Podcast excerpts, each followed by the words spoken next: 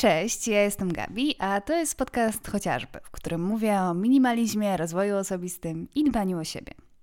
W dzisiejszym odcinku opowiem Ci z własnego doświadczenia, jak nauczyć się pozytywnego nastawienia do życia. Zapraszam. Jeżeli słuchasz mojego podcastu od dawna, to pewnie się zdziwisz, ale ja przez całe życie uważałam, że jestem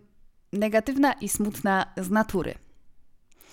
I kiedy byłam nastolatką, to wszelkie jakieś takie rzeczy związane z pozytywnym nastawieniem wydawały mi się głupie i naiwne. A kiedy miałam na przykład, y, nie wiem, z 16-17 lat i trafiałam na coś takiego jak afirmacje, to ja uznawałam, że to jest turbo uwłaczające i żałosne, żeby sobie coś takiego wmawiać um, i że co za debile myślą, że to cokolwiek zmieni w ich życiu. To mi się kojarzyło po prostu z takim właśnie mm, najniższym gatunkiem człowieka, który nie umie myśleć racjonalnie, a racjonalnie oczywiście wtedy rozumiałam jako pesymistycznie, negatywnie oceniająco. Mm, no i takie miałam właśnie skojarzenia. I to jest trochę y, ujawnienie w ogóle moich kart czarnych przeszłości, ale tak właśnie było. E, taka byłam i dlatego ja tak chętnie mm, teraz opowiadam o takich rzeczach jak właśnie, e, właśnie afirmacje, jak wizualizacja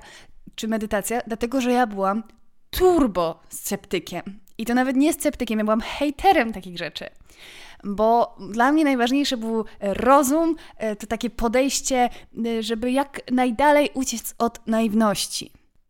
No i żyłam w takim podejściu, że e, generalnie świat jest raczej do dupy. Ludzie są zwykle źli, irytujący i głupi.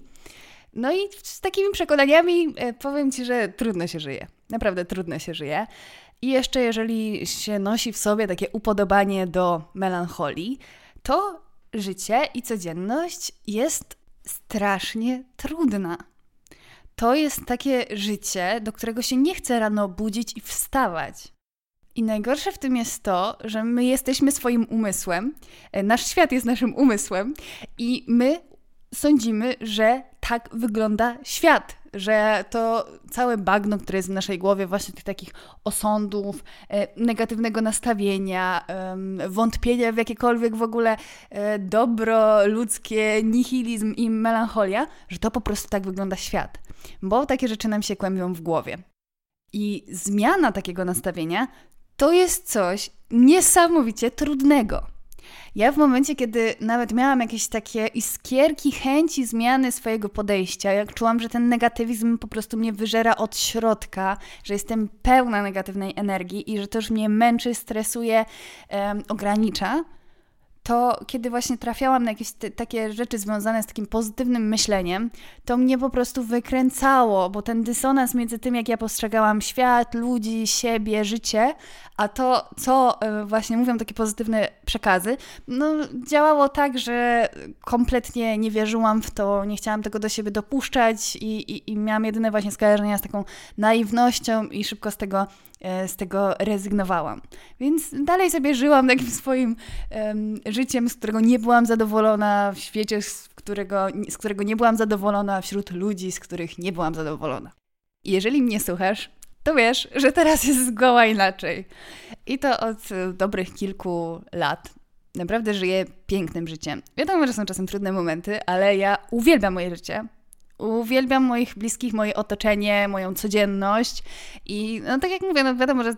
czasem są trudniejsze momenty, są problemy, to wszystko mam normalne życie, ale moje emocje względem życia, świata, ludzi, um, jakichś nowych wyzwań i w ogóle możliwości, które mam na świecie, są zupełnie inne.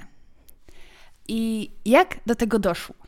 Opowiem Ci właśnie w dzisiejszym odcinku o trzech najważniejszych, moim zdaniem, filarach, na których trzeba po prostu się skupić, jeżeli chcemy pracować nad swoim nastawieniem. I to są takie rzeczy, które, mm, które są oczywistą częścią naszego życia, ale my bardzo często nie zwracamy uwagi na to, jak duży wpływ mają właśnie na nasze nastawienie do życia. Pierwszym takim filarem jest zwrócenie uwagi na to, jakie komunikaty na wpół świadomie ładujemy sobie do głowy. I tu przede wszystkim mam na myśli muzykę. Słuchajcie, ja przez lata, wszystkie swoje nastoletnie lata i też jak właśnie mm, później byłam na studiach i zaczęłam jeszcze swoją pierwszą pracę nawet na etat, ja na przykład jeździłam rano do szkoły, na zajęcia czy do pracy, um, słuchając takiej muzyki, która sprawiała, że ja nie chciałam żyć. I ja wtedy zupełnie nie widziałam związku, nie widziałam, jak to działa, że kiedy wstaję, kiedy budzę się rano i mój mózg najbardziej chłonie, to jest moment, w którym najbardziej chłoniemy komunikaty, treści i emocje, ja wtedy słucham piosenek o umieraniu w sobie, o depresji, o brudnym, okropnym yy, świecie, o złych ludziach i wszystkiego, czego ja wtedy słuchałam, bo miałam upodobanie do takiego. Yy, ja w ogóle zawsze lubiłam polską muzykę i zarówno właśnie polski rap, jak i taką polską alternatywę. I na przykład ja uwielbiałam Komę i Myslowic też. I to są zespoły, których dalej mi się zdarza słuchać, ale ja słucham teraz takiej muzyki, intencjonalnie, kiedy ja wiem, że teraz jest w moim życiu na przykład przestrzeń na to, żeby trochę pobyć w takiej melancholii w moim dniu, ale nie wtedy, kiedy rano to jest w ogóle klucz y, naszego nastawienia, tak jak my właśnie zaczynamy swoje dni, z czym nam się kojarzą te, te początki, te, te, te poranki, z czym my przychodzimy do tej pracy, do szkoły, na zajęcia. A ja w momencie, nawet kiedy się budziłam całkiem dobrym humorem, to po półgodzinnej trasie w tramwaju, słuchając po prostu nawet jeżeli to była piękna muzyka, to e, słuchając o właśnie umieraniu e, z miłości albo nieprzysta, e, nieprzystosowaniu do świata, jak słuchałam Rojka czy coś, to mnie to poruszało. Ja wciąż doceniam mm, jakby tę niesamowitą właściwość muzyki, w ogóle sztuki, jak wpływa na nasze emocje i nie uważam, że trzeba słuchać tylko szczęśliwej, radosnej, e, dynamicznej muzyki, ale żeby robić to po prostu świadomie, żeby zrozumieć, że te komunikaty, które my wysyłamy, szczególnie jeżeli to jest w ogóle w naszym rodzimym języku albo po prostu w języku, w którym jesteśmy biegli, albo na, na, przynajmniej na tyle, żeby po prostu rozumieć każdy komunikat, to to po prostu jest przyswajane przez naszą głowę. My, wczuwając się w to, zaczynamy nabierać tych emocji. I dlatego wiele, wiele lat mojego życia upływało po prostu pod ikoną smutku bo właśnie nawet jeżeli wstawałam w świetnym nastroju, byłam pozytywna i tak dalej, to ja już w momencie właśnie dotarcia do pracy, ja już byłam prawie po, popłakana, ja już mi się już nic nie chciało e, w tym życiu. I ja nie widziałam przez lata żadnego związku, bo ja się wręcz e, tak jakoś mm, pławiłam w tej melancholii. Jeszcze na przykład jechałam zimą i było jeszcze ciemno, e, to uwielbiałam sobie puszczać jakieś takie um, rapowe kawałki, całe składanki polskich raperów, na przykład Tako, którego dalej bardzo lubię, ale to sprawiało, że ja właśnie um, traciłam jakąkolwiek radość życia. I jeżeli właśnie chcemy zacząć pracować nad swoim nastawieniem, to moim zdaniem to jest pierwszy krok do tego, żeby zacząć zauważać, e, czego my słuchamy, jakie to wywołuje w nas emocje, bo my możemy sobie w ten sposób po prostu ładować coraz więcej smutku i niechęci do świata, tak właśnie na wpół świadomie, bo my chcemy sobie posłuchać tych kawałków, bo one są fajne, ale jeżeli właśnie zupełnie ignorujemy e, ich wpływ na nasze emocje, na nasze nastawienie, no to będziemy mieć później dużo większy problem z jakimkolwiek właśnie pozytywnymi myślami, skoro od samego rana będziemy ładować się negatywnymi. I warto też postrzegać trochę swoje życie, puszczanie sobie muzyki jako wprowadzenie jakiegoś, w sensie w ciągu dnia, jako wprowadzenie e, pewnego soundtracku, jakiegoś podkładu muzycznego pod daną scenę naszego życia. I jeżeli zobaczycie um, jakąś scenę z filmu, ostatnio widziałam nawet taki, um, taką rolkę na Instagramie um, zabawną, że była scena z filmu, gdzie facet śledził jakąś e, kobietę i była taka bardzo romantyczna muzyka i rzeczywiście odbiór tej sceny był taki, że Jezu, ale on jest zakochany. A później była e, creeperska muzyka podłożona i ta scena była przerażająca, była straszna i niepokojąca. I kiedy my zaczniemy tak postrzegać też po prostu swoje życie, że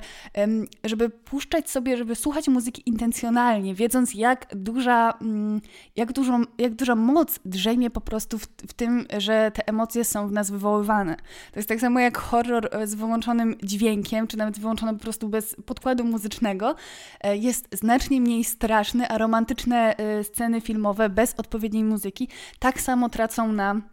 na wyrazistości i można zupełnie zmienić właśnie charakter sceny poprzez, um, poprzez dodanie innej muzyki. I ja ostatnio sobie o tym właśnie myślałam, kiedy szłam na siłownię rano przed pracą i była okropna pogoda. Wiało, było strasznie zimno i po prostu aż się chciało płakać, bo było tak nieprzyjemnie. Na szczęście mam bardzo blisko na siłownię, um, więc nie musiałam daleko iść, ale wtedy um, miałam na słuchawkach um, Beatlesów kawałek um, Twist and Shout i słuchajcie, to jest tak, tak pozytywny kawałek, że ja sobie wyszłam i myślałam o tym, jaka jestem super, że w, w tę pogodę idę ze swoim właśnie ciepłem i pozytywnym nastawieniem i później będę z siebie zadowolona. I oczywiście to jest trochę, no lata takiego zmiany nastawienia, żebym tak to postrzegała, ale sobie w, tym, w tamtym momencie wyobraziłam, że gdybym wtedy sobie puściła właśnie te rap kawałki, czy, czy właśnie te i komy, których e, kiedyś słuchałam namiętnie właśnie porankami przy ponurej pogodzie, właściwie zawsze, to ta scena w moim życiu mogłaby wyglądać po prostu strasznie, tak, żeby nic, tylko się popłakać, jak jest okropnie i przyjść tam i w ogóle już się poryczeć w szatni. Bo wiadomo, że zależy od ciebie, jak bardzo na ciebie wpływa muzyka, ale na mnie taka smutna muzyka potrafi bardzo wpływać, i um, często też możemy sobie nie do końca zdawać sprawy, jak bardzo na nas wpływa, bo jesteśmy już tak przyzwyczajeni do pewnego rodzaju nastawienia. To też warto mieć na względzie i zacząć e, się nad tym, po prostu zacząć się temu przyglądać. I tak jak wspomniałam wcześniej, to nie chodzi o to, żeby od razu się rzucać na super pozytywne kawałki, no bo ja już jestem na tym etapie, że właśnie sobie słucham e, Beatlesów i to mi robi na przykład poranek, ale ja nie lubiłam bardzo długo takiej dynamicznej, pozytywnej muzyki. Nie znosiłam. Ja słuchałam tylko smutnej i dobijającej i musiałam się tak po kawałeczku trochę przekonywać właśnie małymi kroczkami, słuchając trochę bardziej mm, takiej albo neutralnej, albo na przykład muzyki bez słów, jak miałam duży. Um,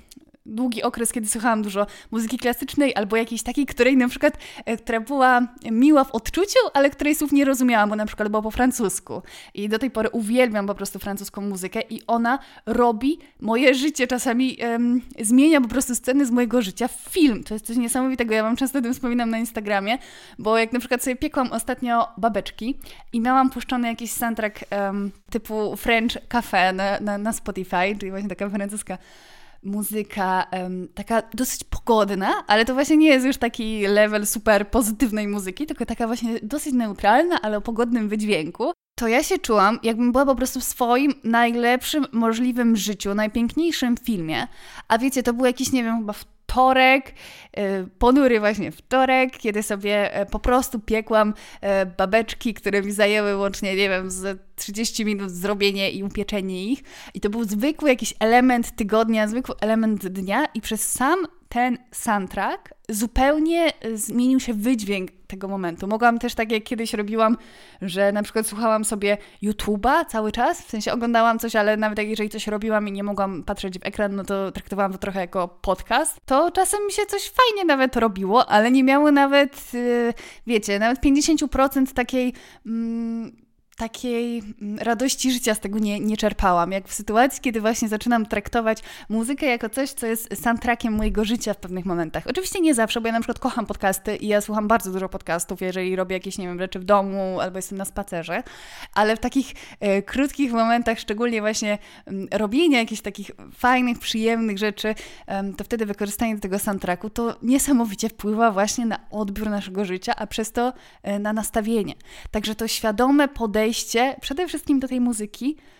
jest moim zdaniem pierwszorzędną rzeczą, której warto się przyjrzeć, szczególnie jeżeli macie właśnie skłonność do takiej melancholii, do negatywnego nastawienia i nie wiecie tak do końca skąd to was się bierze e, w tak dużym natężeniu. I oczywiście, że to jest pewna praca, bo jeżeli jesteście przyzwyczajeni do jakiejś muzyki, to często się bardzo do niej przywiązujemy. I ja też tak miałam, że mi było bardzo trudno znaleźć coś innego ale zdecydowanie warto próbować i przede wszystkim po prostu być świadomym tego, jak bardzo może to na nas wpływać. I y, jeżeli będziemy intencjonalnie puszczać sobie muzykę, intencjonalnie jej słuchać w takich momentach, w których na przykład jesteśmy gotowi na przyjęcie jakichś emocji, bo tak jak wspomniałam wcześniej, ja wciąż słucham wielu z tych wykonawców, których słuchałam wcześniej i wciąż zdarza mi się po prostu słuchać smutnej muzyki, ale właśnie robię to teraz z intencją i na przykład nie puszczam sobie już w trakcie treningu, jak mi się zdarzało kiedyś i później wychodziłam smutna, mimo że to potrafiło przytłumić mój wystrzał endorfin na przykład przy bieganiu, dlatego, że tak bardzo mnie przytłoczyły te smutne emocje, mimo że one mi się podobały podobały w trakcie trwania, no nie? Ale trzeba znać cenę tego. A właśnie kiedy mm, na przykład albo mamy jakiś smutny dzień i po prostu on już jest smutny, no bo smutek jest w naszym życiu i to jest zupełnie naturalne i to jest taka sama emocja jak każda inna i on się po prostu czasem będzie pojawiał, to ja czasem potrwam sobie w tym smutku i właśnie wtedy na przykład posłucham sobie takiej muzyki e, i wcale nie czuję, żeby to było takie dodatkowe dobijanie się, tylko właśnie przeżywanie jakiejś emocji, a nie dokładanie jej tam, gdzie nie trzeba, na przykład w piękny, słoneczny dzień, w którym wszystko było fajnie, a, a wkładamy sobie do głowy bardzo depresyjne treści. Także intencjonalne podejście do tego, co na wpółświadomie ym, ładujemy sobie do głowy, bo wiecie, to jest tak, że my możemy nawet tego do końca nie słuchać tak świadomie, bo będziemy na przykład jednocześnie sobie coś przeglądać w telefonie, no ale nasz mózg słucha i serce też. A teraz przechodzę do punktu drugiego, drugiego filaru, który jest poniekąd związany z tym, ale jest już bardziej świadomy sam z siebie. Mianowicie chodzi o treści, które przyjmujemy. I tutaj podobnie warto mieć szczególnie na względzie te um, pierwsze godziny po obudzeniu, powiedzmy chociaż pierwszą godzinę po, kiedy jesteśmy, no bardzo, nasze mózgi są po prostu otwarte na to, co przyjmą um, i może nam się od razu zmienić e, nastawienie do dnia. Ja kiedyś tak robiłam, że od razu po obudzeniu nie robię tak od, nie wiem, chyba z dwóch lat, bo to było coś strasznego. Oczywiście zdarzy mi się, jak na przykład jak mam jakiś taki nerwowy okres albo coś takiego, ale bardzo zawsze tego żałuję, jeżeli od razu po obudzeniu na przykład sprawdzę maila. Albo kiedyś nałogowo sprawdzałam tak wiadomości od razu po obudzeniu. Albo social media. I to jest coś strasznego, bo my zanim dojdziemy do tego w ogóle, jak się czujemy, kim my jesteśmy, jaki dzisiaj jest dzień, co, jakie emocje w sobie mamy po nocy, to już ładujemy do siebie jakieś inne emocje, być może coś wymagającego od nas e, jakiejś reakcji, tak jak na przykład mail, albo coś stresującego się pojawia natychmiastowo po obudzeniu, bo tak naprawdę e, wszystkie rzeczy, które się dzieją w internecie, to mają w sobie ten ułamek jakiegoś stresora, który nie jest nam naprawdę potrzebny od razu po obudzeniu i on jest potrzebny jakimś tam niewielkiemu procentowi ludzi, którzy zdecydowali się żyć jako na przykład e, właściciele, e, prezesi jakichś gigantycznych firm, to może rzeczywiście muszą być pod telefonem po prostu w każdej sekundzie, gdy tylko nie śpią. E, I gdy śpią, to pewnie też muszą, ale no, znaczna większość ludzi nie musi tak mieć, bo nic się nie stanie, jeżeli na przykład za pół godziny albo za godzinę dopiero do tego siądziesz. A ja wiem, jak to jest kuszące, no nie, żeby od razu zajrzeć w telefon, sprawdzić, co tam się dzieje i tak dalej. Mm, ale no musimy też mieć właśnie tę świadomość tego, jak bardzo to się odbija na naszym nastawieniu. E, ja nieraz miałam taką sytuację, że budziłam się, nawet jeszcze nie wiedziałam, jaki mam nastrój i e, jak sprawdziłam telefon i na przykład dostałam coś, jakąś nieprzyjemną w ogóle wiadomość. Albo coś, co okazało się, że coś się nie udało, albo że coś, mi się, coś się zepsuło, coś, nie wiem, na przykład w moim systemie. Jakakolwiek rzecz, która mnie zestresowała i ja już miałam poranek Y, no, spisane na straty, że ja już się w coś a, natychmiastowo angażowałam, y, albo coś mi psuło humor, albo w ogóle coś, y, czego nie, nie musiałam zobaczyć, albo nie wiem, najgorsze jak wchodziłam na jakieś um, media informacyjne i widziałam jakiś coś taki w ogóle um, artykuł o czymś, na co nie mam absolutnie żadnego wpływu, wiecie, na przykład na jakąś tragedię ludzką i te emocje już we mnie były. Albo, że pierwsze co widziałam właśnie to były jakieś takie um, negatywne informacje polityczne i to wszystko sprawiało, z jakim nastawieniem ja wchodziłam w dzień. I chociaż uważam, że zdecydowanie najbardziej warto na początku przyjrzeć się tym porankom e, i sprawić, żeby chociaż ten poranek był blisko, żebyśmy byli blisko siebie właśnie podczas tych poranków i przetrawili to, jakie mamy emocje po nocy, czy się czymś stresujemy, jakie mamy e, myśli, to, co już jest w nas, zanim sobie dołożymy kolejnych rzeczy, to oczywiście poza porankami też chodzi o to, co się, czym się generalnie w ciągu dnia otaczamy. Jakich y, ludzi słuchamy, jakie książki czytamy, y, jakie strony, jakie właśnie media społecznościowe, y, jakich ludzi śledzimy w internecie, jaki oni wpływ na nas wywierają. Jeżeli na przykład otaczamy się treściami bardzo związanymi y, z dramami i to albo takimi prawdziwymi dramatami ludzkimi, albo dramami internetowymi. Jeżeli jest tego um, dużo, um, dużo w, w, na, w, naszym osobistym internecie, bo wiecie, że to tak trochę jest, że każdy z nas ma swój internet po prostu, bo obserwujemy innych ludzi, nasze algorytmy są inaczej wytresowane i wiadomo, że um, po prostu można się zdziwić, jak się zobaczy stronę główną YouTube'ową kogoś innego, no nie? kto ma inne zainteresowania, innych,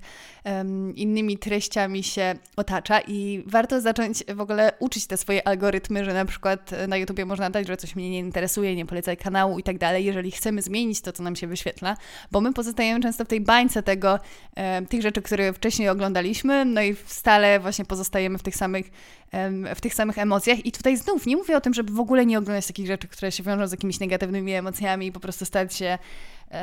takim płatkiem śniegu, który w ogóle nie, chce good vibes only i tak dalej. To w ogóle nie o to mi chodzi. Tylko żeby właśnie świadomie do tego podchodzić, że ja sobie to teraz puszczam i czy ja chcę na przykład się otaczać znowu jakimiś tam um, negatywnymi emocjami, albo puszczać sobie jakiś, e, jakiś, jakiś reportaż o bardzo przykrej sytuacji, która mnie jeszcze e, wstrząśnie i który, z której będę później wychodzić przez pół dnia, albo. Um, czy ja na pewno chcę oglądać daną youtuberkę, mimo że może robi fajne treści, ale ja się czuję po jej filmach gorzej. Albo podcasterkę. Jeżeli masz tak z moimi treściami, że się czujesz gorzej po wysłuchaniu mojego podcastu, to mnie nie słuchaj, bo naprawdę mamy taki wybór obecnie w internecie, jeżeli chodzi o treści, że nie warto, nie róbmy sobie tego i nie słuchajmy ludzi, którzy nas irytują, którzy sprawiają, że czujemy się źle, którzy zamiast nas właśnie jakoś inspirować i tak dalej, mm, to wpływają po prostu na nas negatywnie i to w większości po prostu nie jest wina tych ludzi, no nie tych twórców, bo oni znajdą inne osoby, na które wpływają dobrze w większości przypadków. Tylko czasem po prostu my możemy mieć jakieś swoje osobiste zastrzeżenia i nie powinniśmy tego ignorować, jeżeli się po czymś czujemy gorzej, jeżeli coś nas dobija, nawet jeżeli to jest bardzo pozytywna treść. I dlatego ja sobie w pełni zdaję sprawę z tego, że na kogoś może, mogą tak działać moje. I ja dlatego zawsze będę do tego wzywać, żeby przestać e, wtedy śledzić, bo ja też mam takie osoby, które są na przykład e, uwielbiane w świecie internetu, a ja nie jestem w stanie po prostu oglądać ich, bo na przykład mnie irytują. I to jest zupełnie normalne, no nie? Ja też cię mogę irytować i e, wtedy nie warto po prostu się na to narażać. A my czasem, ja tak miałam po prostu lata, że ja oglądałam na przykład te osoby, które mnie wkurzały bo byłam ciekawa, co u nich. I to jest takie po prostu sianie sobie um, tej złej energii w środku, takiego właśnie negatywnego myślenia o ludziach, no bo jak sama czy sam sobie e, ładujesz do głowy właśnie te treści, które cię irytują, mimo że w internecie my je wybieramy, no to można wpaść w taką pętlę po prostu tego e, poczucia, że wszystko jest e, beznadziejnie i że ludzie są do dupy i że jeszcze się czuć do tego beznadziejnie. Także no, w dobie internetu warto bardzo świadomie wybierać to, co oglądamy i zastanawiać się nad tym, jak to na nas wpływa. Bo to jest po prostu strzelanie sobie w stopę, jeżeli na przykład jeszcze wchodzisz na Instagrama i wyświetla ci się Instastory jakiejś influencerki i znowu je oglądasz i znowu czujesz jakąś taką irytację. Coś cię w niej wkurza. Albo znowu się poczułaś gorzej po tym, jak coś e, zobaczyłaś u niej. To po prostu ją e, przestań obserwować. I jeżeli jestem to ja, to mnie też przestań obserwować. Po prostu nie róbmy sobie tego, bo ja wiem, jak łatwo wejść w taką spiralę właśnie takiej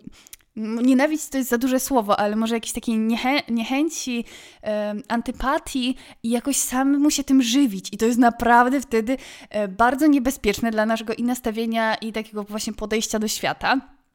I wydaje mi się, że mnóstwo ludzi yy, tak ma i tak robi. Po tym, jak widzę czasem komentarze u youtuberek, które oglądam, które, które bardzo lubię, i jak czasem się zdarza właśnie dostać im taki, yy, dostawać komentarze od jednej osoby, wiecie, takich typowych yy, hejterów, które yy, nie lubią cię, widać, że, że działasz im na nerwy, w sensie jako twórca, a ktoś cały czas komentuje, ogląda, wyszukuje po prostu jakieś, jakieś rzeczy, do, których mógłby się przyczepić, no to to jest właśnie przykład takiej osoby, która wpadła w spiralę tego nielubienia kogoś, a jakie to jest straszne i to jest anty po prostu dbanie o siebie. Jeżeli masz, w, e, odpalasz telefon albo włączasz komputer i kiedy możesz wybrać cokolwiek na tym świecie do e, oglądania, a ty włączasz tych ludzi i tracisz swój cenny czas na, na to, co cię irytuje, co cię zasmuca i tak dalej. Także warto bardzo zwracać na to uwagę, y, obserwować siebie, jak dane treści na nas wpływają i jeżeli widzimy,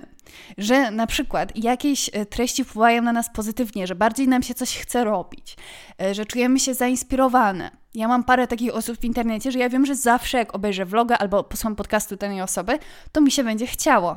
I oczywiście są tam różne fazy, bo myślę, że e, większość z Was też tak marzy się, że ma się na przykład fazę na jakiegoś twórcę przez długi czas, później mniej i tak się do tego wraca, ale no mam kilka takich osób, które, mm, które wiem, że zawsze mają, albo w większości znacznych przypadków pozytywny na mnie wpływ i uwielbiam to, co ich treści ze mną robią. I moim zdaniem warto po prostu, żeby te proporcje do tego były takie, że co najmniej 80% treści które przyswajamy, żeby pochodziło właśnie e, z takich źródeł. Bo oczywiście, że zawsze będziemy jakieś tam negatywne czasem przyswajać, czasem mieć ochotę, ale żeby te proporcje były takie, żeby e, to, co nam sprawia radość, daje nam inspirację, motywację, chęć do, do działania albo do życia jakoś fajniej i to, rzeczywiście na nas wpływa pozytywnie, to żeby jak najwięcej tego było w naszej codzienności. Bo jest takie powiedzenie, że to, czemu dajesz swoją uwagę, to rośnie, to będzie rosło w Twoim życiu. Więc naprawdę poświęcaj swoją uwagę, swój czas na rzeczy, które nie muszą Cię koniecznie rozwijać, ale po prostu pozytywnie wpływają na Twoje samopoczucie. I według mnie w takim kontekście bardziej rozwijające jest to, że obejrzysz sobie jakiś trochę taki e, głupawy filmik na YouTubie i będziesz się dobrze bawić i później będzie ci aż chciało coś, bo poprawisz sobie w ten sposób humor, niż jeżeli będziesz starać się na przykład, nie wiem, obejrzeć czy wysłuchać coś, co rzeczywiście jest rozwijające i mądre, a będziesz się po tym czuć znacznie gorzej. Bo oczywiście, że warto się rozwijać i czasem na przykład, nie wiem, przyswajanie jakichś książek jest po prostu trudne, ale e, moim zdaniem takim w ogóle mm, wyznacznikiem tego, czy warto na przykład się nakłaniać do jakichś nawyków, zmuszać się do robienia jakichś rzeczy, to to, e, jak my się czujemy właśnie po wykonaniu tego. Bo jeżeli na przykład czytanie książek czasem bywa wyzwaniem, szczególnie jeżeli chcemy mm, poszerzać jakoś swoją wiedzę i możemy mieć poczucie, że to jest właśnie dla nas trudne, no bo to jest znacznie trudniejsze niż przeglądanie TikToka, ale jeżeli właśnie odłożymy już książkę po powiedzmy pół godziny e, czytania, no to na przykład się czujemy super. I właśnie, żeby zwracać uwagę na to, po czym, e, co jeżeli przyswajamy, to czujemy się lepiej, a co sprawia, że czujemy się gorzej niż wcześniej. To jest szczególnie istotne w kontekście rozrywki i w ogóle odpoczynku, bo tam nie powinno być w ogóle miejsca na to, że my się jeszcze dobijamy, wkurzamy, irytujemy na swoje własne życzenie. I dlatego ja na przykład nie mam telewizji od lat, bo e, mimo, że czasem jak jestem w jakichś okolicznościach, które mi umożliwiają oglądanie telewizji, to ja lubię,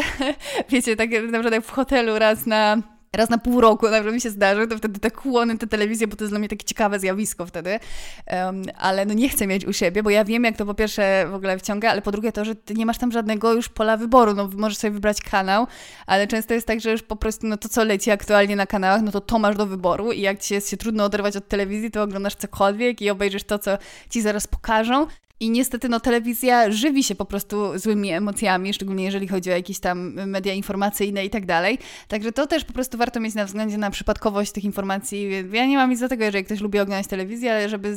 po prostu mieć tę świadomość tego, że um, tamta przypadkowość um, z naszej perspektywy jest nieunikniona. Oczywiście to nie jest przypadkowość e, z perspektywy telewizji, bo to jest wszystko um, przemyślane i zaplanowane, w jakiej na przykład kolejności się pojawiają jakieś treści, no ale wtedy już w ogóle nie jesteśmy takimi panami sytuacji jak w kontekście e, internetu, kiedy rzeczywiście te treści sobie od A do Z e, wybieramy sami. Także no, tak naprawdę najważniejsza jest po prostu świadomość i intencjonalność, i żeby nie oglądać po prostu wszystkiego e, jak leci. I powiem Wam, że przez to ja zrezygnowałam z TikToka i chyba już, nie wiem, jakoś z miesiąc temu odinstalowałam i raczej nie planuję zainstalować ponownie, dlatego że um, kiedyś sobie tak uświadomiłam, że jeżeli oglądam TikToka na przykład przez pół godziny, to jestem w stanie właśnie sobie przypomnieć na przykład kilka, mimo że widziałam nie wiem, ze 100 albo nawet więcej, e, nie, pewnie więcej, to jestem w stanie sobie przypomnieć dwa, które widziałam e, i pewnie byłabym w stanie wymienić 30, które mnie w ogóle nie interesowało, no nie? Znaczy pewnie bym ich nie pamiętała już, ale e, przeglądając po prostu widziałam, że to mnie nie obchodziło, a to zabiera mi mój, mm, moją uwagę, mój czas i jeszcze czasem właśnie wprowadza mnie w jakieś złe, dziwne emocje i nie mam nad tym kontroli, bo TikTok działa tak, że po prostu przewijasz dalej i widzisz coś coś następnego i następnego, e, czego możesz się nie spodziewać. Także no, ja tutaj nie namawiam do odinstalowania TikToka. Też nie wiem, czy moje podejście się się nie zmieni. To nie jest jeszcze takie um, twarde, tylko robię takie trochę to nie jest twarde oświadczenie, tylko raczej um, taki eksperyment, ale to jest właśnie coś, co, um, co uważam, że um, może działać na nas negatywnie, to jest przypadkowość informacji także. I e, tym samym przechodzimy do ostatniego, trzeciego filaru, który mimo, że ostatni to chyba najważniejszy, a w każdym razie szalenie istotny i trudny, dlatego że chodzi o ludzi. O ludzi, którymi się otaczamy to, jakie mają nastawienie osoby, które są najbliżej nas, z którymi mamy najczęściej kontakt, to jak podchodzą na przykład do tego, jak my próbujemy coś e, w życiu zmieniać, coś w życiu robić, na ile możemy liczyć na ich wsparcie, na ile my sami ich wspieramy, na ile daje nam dobra ta relacja, a na ile od nas zabiera. I ja tutaj w tym punkcie nie chcę radzić, ale powiem Wam, jakie ja mam do tego podejście. Bo kiedyś byłam zupełnie ślepa na to, że na przykład kogoś lubiłam, przyjaźniłam się z daną osobą, ale zawsze po spotkaniu czułam się gorzej. Czułam się gorzej niż przed. I w ogóle nie widziałam problemu,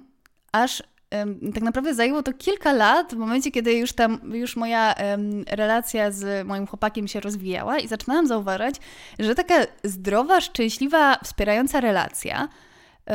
działa tak, że po prostu jak spotkasz taką osobę, e, w sensie jak się, jak pójdziesz z taką osobą, z osobą na kawę do kina albo po prostu się z nią zobaczysz, to e, później świat jest dużo piękniejszy po takim spotkaniu. I jak zaczęłam sobie to uświadamiać, to nie mówię tylko o takim okresie, wiecie, zakochania, kiedy tak wszyscy mają, tylko po latach, no nie? Ja już ze swoim chłopakiem jestem u, 9 lat i zaczęłam zauważyć, że nawet właśnie po tylu latach wciąż tak mam. I że to znaczy, że naprawdę nie trzeba się godzić na takie relacje, że ja nie chcę mieć w swoim życiu um, takich ludzi, z którymi po spotkaniu czuję się gorzej, czuję się jakbym coś oddała i, e, i nie dostaję nic w zamian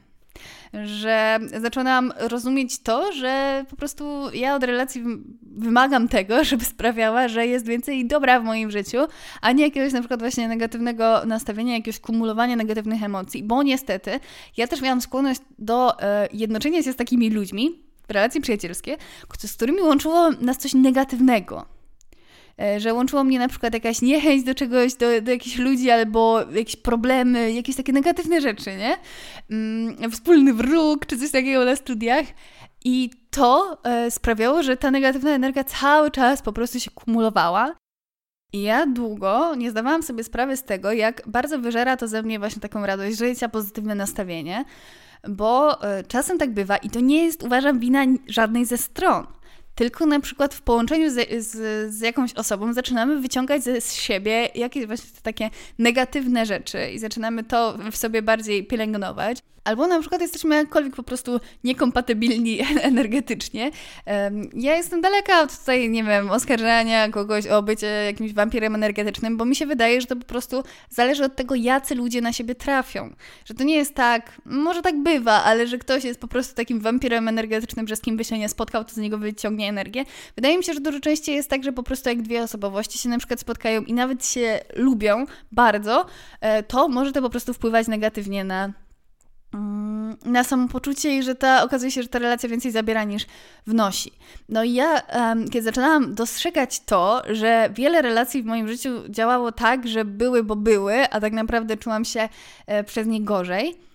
to pamiętam, że kiedyś mnie uderzyło takie zdanie, mm, które usłyszałam chyba u Marty Niedźwieckiej w podcaście, tak mi się wydaje, e, że to był taki dialog z, mm, z gabinetu terapeutycznego,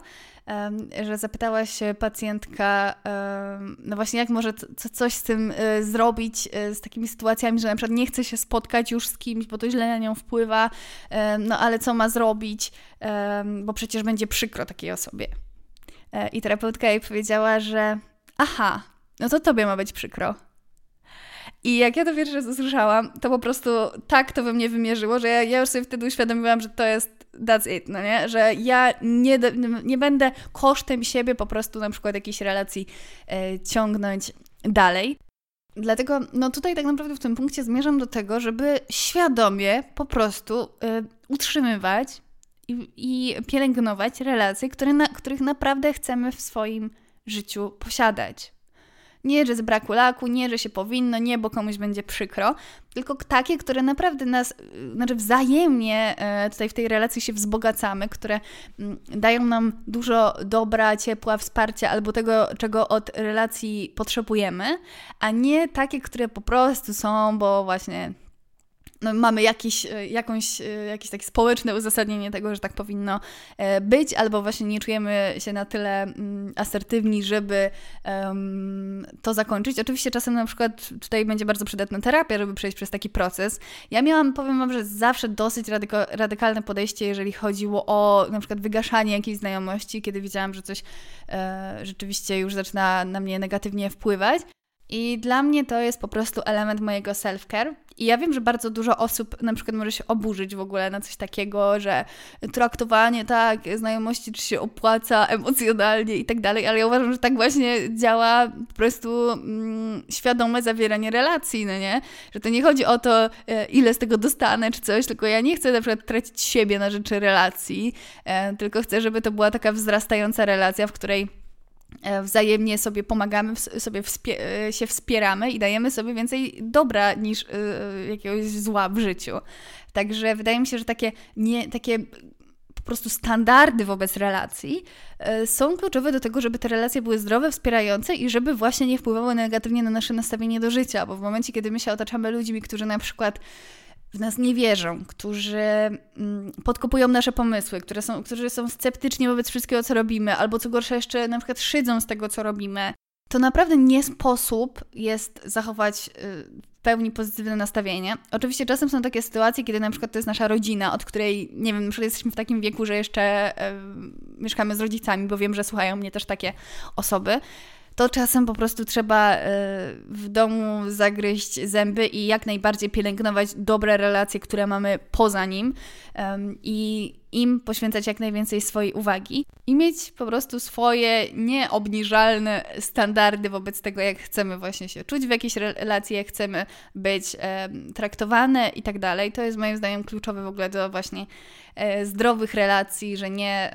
przyjmowanie wszystkiego, co na nas e, zleci w życiu, tylko naprawdę właśnie wybieranie mm, relacji, które, e, które są wzbogacające. Bo jeśli przestaniesz się godzić na takie byle jakie relacje, które jeszcze właśnie negatywnie na ciebie wpływają, ściągają cię w dół i tak dalej, to zrobi się w twoim życiu miejsce na takie naprawdę wspierające. Czasem to wymaga cierpliwości i czasem będzie cię kosztować po prostu poczuciem samotności, ale no trzeba zrobić miejsce na, na to, co e, może się pojawić, bo po prostu są, istnieją i ręczy Ci za to takie relacje oparte na e, wzajemnym właśnie wyciąganiu się w górę, wspieraniu, kibicowaniu. I moim zdaniem warto mieć tylko takie relacje w swoim życiu bo my też je właśnie wybieramy. Są pewne relacje, których nie wybieramy i które na przykład jesteśmy jakoś tam zmuszeni do utrzymywania, jeżeli chodzi na przykład o rodzinę, chociaż to też jest takie dyskusyjne, no nie w jakim zakresie jesteśmy zmuszeni, bo ja uważam, że w wielu przypadkach absolutnie nie, no ale na takim etapie, kiedy jesteśmy dziećmi i nie możemy nic zrobić, no to wiadomo, no ale w większości przypadków możemy i mamy tutaj wybór. E, w każdym razie mm, całą resztę relacji my wybieramy i Wybierajmy mądrze, wybierajmy według swoich standardów, nie obniżajmy ich, bo to jest takie zaklęte koło tego, że jeżeli obniżamy właśnie swoje standardy wobec e, jakichś relacji przyjacielskich, byle tyle, tylko na przykład nie być samotnym, to naprawdę nie będzie miejsca na to, żeby się pojawiły jakieś takie e, prawdziwe, wspierające, wzbogacające relacje, bo będziemy zaangażowani już w inną. E, będziemy też e, się umacniać w jakimś takim na przykład negatywnym nastawieniu, jeżeli to właśnie cechuje tamtą relację, albo po prostu nie będziemy e, wzrastać, będziemy się zatrzymywać w miejscu. I tak jak już wspomniałam wcześniej, to nie chodzi o to, że ktoś jest lepszy, ktoś jest gorszy, tylko to kwestia tego, jak jest kompatybilny z nami, jaki typ relacji e, dana osoba oczekuje, jaki może nam e, zaoferować, jaki my oczekujemy, jaki my jesteśmy w stanie zaoferować. Chodzi po prostu właśnie o tę świadomość i to, że to nie jest tak, że po prostu ktoś pojawi na naszej drodze, albo jeżeli ktoś już jest z nami od, nie wiem, 10 lat, mamy jakąś relację, to jesteśmy zmuszone do tego, żeby ją utrzymywać. Ja uważam, że absolutnie nie. Oczywiście to jest trudne, żeby zrywać albo poluźniać takie relacje, ale jeżeli będziemy sobie zdawać sprawę z tego, że my jesteśmy tutaj osobami decyzyjnymi, w znacznej większości przypadków i żeby, że jeżeli świadomie decydujemy się właśnie na utrzymywanie takiej relacji w swoim życiu, to, no to będzie miało po prostu wpływ na nie. Bo jeżeli otaczamy się osobami, które nas wspierają, nam kibicują, wierzą w nas, to jesteśmy w stanie po prostu zdobywać góry. A jeżeli y, jesteśmy wśród osób, które wątpią w, każdym na, w każdy nasz pomysł, ostudzają, y, ostudzają nasz zapał i tak dalej, to będziemy się prawdopodobnie coraz bardziej kulić i kulić i spadać. Także no to jest szalenie istotne, jakimi ludźmi się otaczamy i czasami naprawdę lepiej mieć jedną y, zaufaną osobę, albo nawet w danym okresie żadnej, niż mieć pięć albo i więcej um, osób, które właśnie mamy poczucie, jakby nas trzymały w miejscu, albo nam zabierały jakąś taką naszą e, życiową iskierkę. Wciąż podkreślając, że nie chodzi tutaj o to, że dane osoby są toksyczne, że są złe i tak dalej, bo łatwo jest też wpaść w takie poczucie, że po prostu wszędzie są toksyczni ludzie i tak dalej. Ja też nie lubię właśnie mm, takiego y, określania ludzi jako toksyczni czy tak, i, i tak dalej, bo moim zdaniem to bardzo duże ma znaczenie po prostu kto na kogo wpadnie, jak jesteśmy ze sobą kompatybilni i czasem to po prostu nie jest relacja dla nas, dla kogoś innego może być piękna, ale no my jesteśmy sobą, to ma być dla nas, to ma nam służyć i ja jestem y, bardzo y, mocno za tym, że relacje powinny nam służyć, a jeżeli nie służą, to oczywiście czasem można nad nimi popracować i okaże się, że się to zmieni, ale zwykle wiemy podskórnie e, w trzewiach, czy to jest relacja, na której warto coś budować, czy nie. Czy to jest w ogóle coś, w czym czujemy się bezpieczni i nie musimy o to e, cały czas walczyć, bo to jest też relacja, która sprawia, że na przykład angażuje nas tak bardzo, że już cała nasza reszta e, życia nie istnieje. To też warto mieć na względzie, ale to są już takie bardziej skomplikowane tematy, może ich nie będę podejmować. W każdym razie, no, świadomość. Świadomość jest kluczem każdego tego filaru, żeby wiedzieć, co wkładamy sobie e, do głowy, na wpółświadomie właśnie w formie e, naszego mm, życiowego soundtracku, jakimi treściami się otaczamy, jakie emocje e, one w nas wywołują oraz jacy ludzie są w naszym życiu, jakim ludziom pozwalamy być w naszym życiu. Bo kluczem do pozytywnego nastawienia do życia nie jest to, że ja wiem, że wszystko w życiu jest super, wszyscy ludzie są fantastyczni, świat jest piękny, pełen możliwości, tylko że ludzie są źli, neutralni, dobrzy, mądrzy, głupi, albo tacy do mnie pasujący i niepasujący, że świat może być zły, może być dobry, czasem jest neutralny, czasem jest niesamowity, że to wszystko jest wielka e, właśnie skala szarości i ty wybierasz.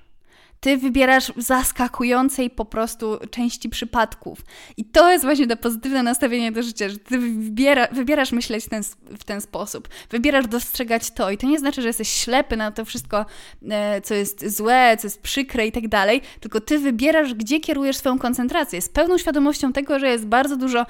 jakichś nie, nieprzyjemności, niefajności na świecie, ale ta pozytywność właśnie wynika z tego, że ty jesteś osobą decydującą, gdzie kładziesz swoją koncentrację. Bo bycie właśnie w takim ciągłym niezadowoleniu często jest po prostu tylko zmianą właśnie punktu koncentracji. A świat ma właśnie te przeróżne odmiany i jest i piękno, i brzydota, i dobro, i zło, i to wszystko jest na świecie. I to jest e, truizm, ale do, niezbędny do zrozumienia właśnie na czym polega pozytywne nastawienie. To nie jest zmiana świata, tylko zmiana jedynie swojej koncentracji, a za jej sprawą swojego osobistego świata. I tym samym kończę ten odcinek. Dziękuję za słuchanie. Zapraszam na mojego Instagrama chociażby i życzę udanego dnia, tygodnia oraz życia. Pa!